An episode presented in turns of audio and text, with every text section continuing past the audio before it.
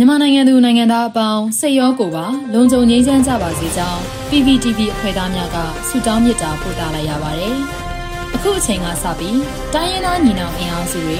ပြည်သူ့ကာကွယ်ရေးတပ်မတော် PDF တပ်သားတွေနဲ့ပြည်သူလူထုတို့ရဲ့အရှိန်အဟုန်မြင့်လာတဲ့တိုက်ပွဲသတင်းတွေကိုစူးစီးတင်ဆက်ပေးသွားမှာဖြစ်ပါတယ်။ကျမຫນွေဦးလင်းအိမ်ပါ။ပထမဆုံးအနေနဲ့လွိုင်ကော်မုံပြကန်အနီးမှာစစ်ကောင်စီတပ်ဖွဲ့နဲ့ဒီမော့ဆို PDF တိုက်ပွဲဖြစ်ပွားရာ စစ်သားတအုပ်တေဆုံးပြီးအများအပြားဒဏ်ရာရတဲ့တဲ့ရင်ကိုတင်ဆက်ပေးမှာပါ။ကရင်ပြည်နယ်လွိုင်ကော်မြို့မှုံပြကန်အနီးမှာအကြမ်းဖက်စစ်ကောင်စီတပ်ဖွဲ့နဲ့ဒီမော့ဆိုမြို့နယ်ပြည်သူ့ကာကွယ်ရေးတပ်ဖွဲ့ကြောင့်ယနေ့နေ့နဲ့ပိုင်းတိုက်ပွဲဖြစ်ပွားပြီးစစ်သားတအုပ်စနိုက်ပါထိမှန်တေဆုံးကအများအပြားဒဏ်ရာရကြောင်းဒီမော့ဆို PDF ကသတင်းထုတ်ပြန်ပါတယ်။မှောင်ပြကန်အနီးအင်အားအလုံးရင်းနဲ့ထိုးစစ်ဆင်လာတဲ့စစ်ကောင်စီတပ်ဖွဲ့နဲ့ဒီမော့ဆို PDF ကြားယနေ့နေ့နဲ့10နာရီကနေ17နာရီထိတိုက်ပွဲဖြစ်ပွားကြောင်း တိုက်ပွဲမှာအကြမ်းဖက်စစ်သားတအုပ်စနိုက်ပါကြီးထိမှန်သေဆုံးပြီးထိခိုက်ဒဏ်ရာရမှုများလည်းရှိကြောင်းသိရှိရပါတယ်။စစ်ကောင်စီဘက်မှလက်နက်ကြီးများနဲ့ပစ်ခတ်မှုကြောင့်ဒီမော့ဆို PDF တပ်ဖွဲ့ဝင်များပြန်လည်ဆုတ်ခွာခဲ့ရကြောင်းနဲ့အထူးကိမရှိခဲ့ကြောင်းပြည်သူ့ကာကွယ်ရေးတပ်ဖွဲ့ဒီမော့ဆိုကသတင်းထုတ်ပြန်ပါတယ်။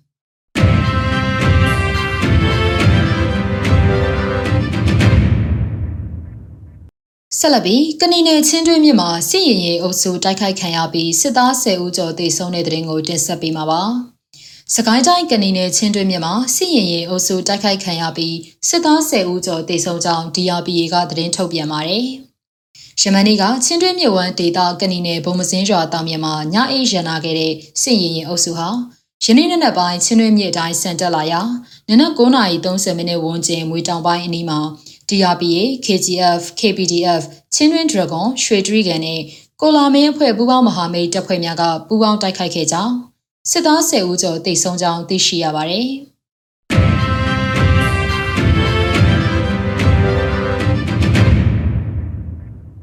ဆက်လက်တင်ဆက်ပေးမှာကတော့မတူပီကနေထွက်ခွာလာတဲ့စစ်ကောင်စီရင်နဲ့အကြိမ်ကြိမ်တိုက်ခိုက်ခံရပြီးစစ်သား၈ဦးသေဆုံးကအများအပြားဒဏ်ရာရတဲ့တဲ့မှာ ချင်းပြည်နယ်မတူပီမြို့ကနေပြန်လည်ထွက်ခွာလာတဲ့စစ်ကောင်စီရှင်နှန်းဟာမတူပီမင်းတပ်လမ်းပိုင်းမှာချင်းတပ်ဖွဲ့များရဲ့ဂျားပြတ်တိုက်ခိုက်ခြင်းကိုခံရပြီးစစ်သား၈ဦးသေဆုံးက73ဦးထက်မနည်းဒဏ်ရာရထားကြောင်းချင်းတပ်ဖွဲ့များထံမှသိရှိရပါတယ်။ယနေ့ဇန်နဝါရီလ28ရက်နေ့နေ့ပိုင်းမှာတန်ကြပ်ကအမြောက်ကားနှစ်စီးပါအဆိုပါစစ်ကောင်စီရှင်နှန်းကို CDF မင်းတပ်ကတိုက်ခိုက်နေပြီးစစ်ကောင်စီဘက်မှ2ဦးသေဆုံးထားကြောင်း CDF မင်းတပ်တပ်ဖွဲ့ဝင်တအူးထံမှသိရှိရတာပါ။ အဆိုပါစစ်ကောင်စီရင်နှန်းဟာမတူပီကနေဇန်နဝါရီလ24ရက်နေ့မှာပြန်လည်ထွက်ခွာလာပြီးချန်ပီယံရွာဟောင်းအနီးမှာ CDF မတူပီကတိုက်ခိုက်ခဲ့ရာစစ်သားတအုပ်သေဆုံးပြီး3ဦးဒဏ်ရာရကြောင်းမတူပီမင်းတပ်ကားလန်မိုင်နိုင်80အနီးမှာယမန်နေ့ဇန်နဝါရီလ26ရက်နေ့နက်9:00နာရီမှာစစ်ရင်နှန်းရောက်ရှိနေစဉ်က CDF မတူပီကထပ်မံတိုက်ခိုက်ခဲ့ရာစစ်သား9ဦးသေဆုံးပြီး10ဦးထပ်မံဒဏ်ရာရကြောင်း CDF မတူပီကသတင်းထုတ်ပြန်ထားပါတယ်။ အကြမ်းဖက်စစ်ကောင်စီဘက်ကလက်နက်ကြီးများနဲ့ပတ်ဝန်းကျင်ကိုပစ်ခတ်ခဲ့တော့လေ CDF တပ်ဖွဲ့ဝင်များနဲ့ဒေသခံပြည်သူများထိခိုက်ကြဆုံးမှုမရှိကြောင်းသိရှိရပါတယ်။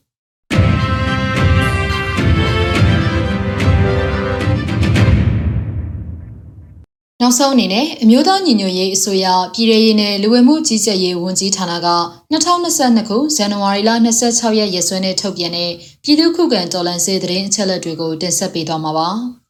အာနာသိန်းအကြမ်းဖက်စေအုပ်စုရဲ့ပြည်သူလူထုအပေါ်အကြမ်းဖက်ဖိနှိပ်ဖန်ဆီးတိုက်ခိုက်တပ်ဖြတ်နေမှုတွေကိုပြည်သူလူထုတရက်လုံးကအသက်ရှင်တန်ရေးအတွက်မိမိကိုယ်ကိုမိမိခုခံကာကွယ်ပိုင်ခွင့်အရာပြည်သူခုခံစစ် People's Defensive Forum ကိုဆင်နွှဲလျက်ရှိပါတယ်။တရင်အချက်လက်များအရ25ရက်တလ2022ရက်နေ့မှာစစ်ကောင်စီတပ်ဖွဲ့ဝင်52ဦးသေဆုံးပြီးထိခိုက်ဒဏ်ရာရရှိသူ16ဦးအထိခုခံတိုက်ခိုက်နိုင်ခဲ့ပါတယ်။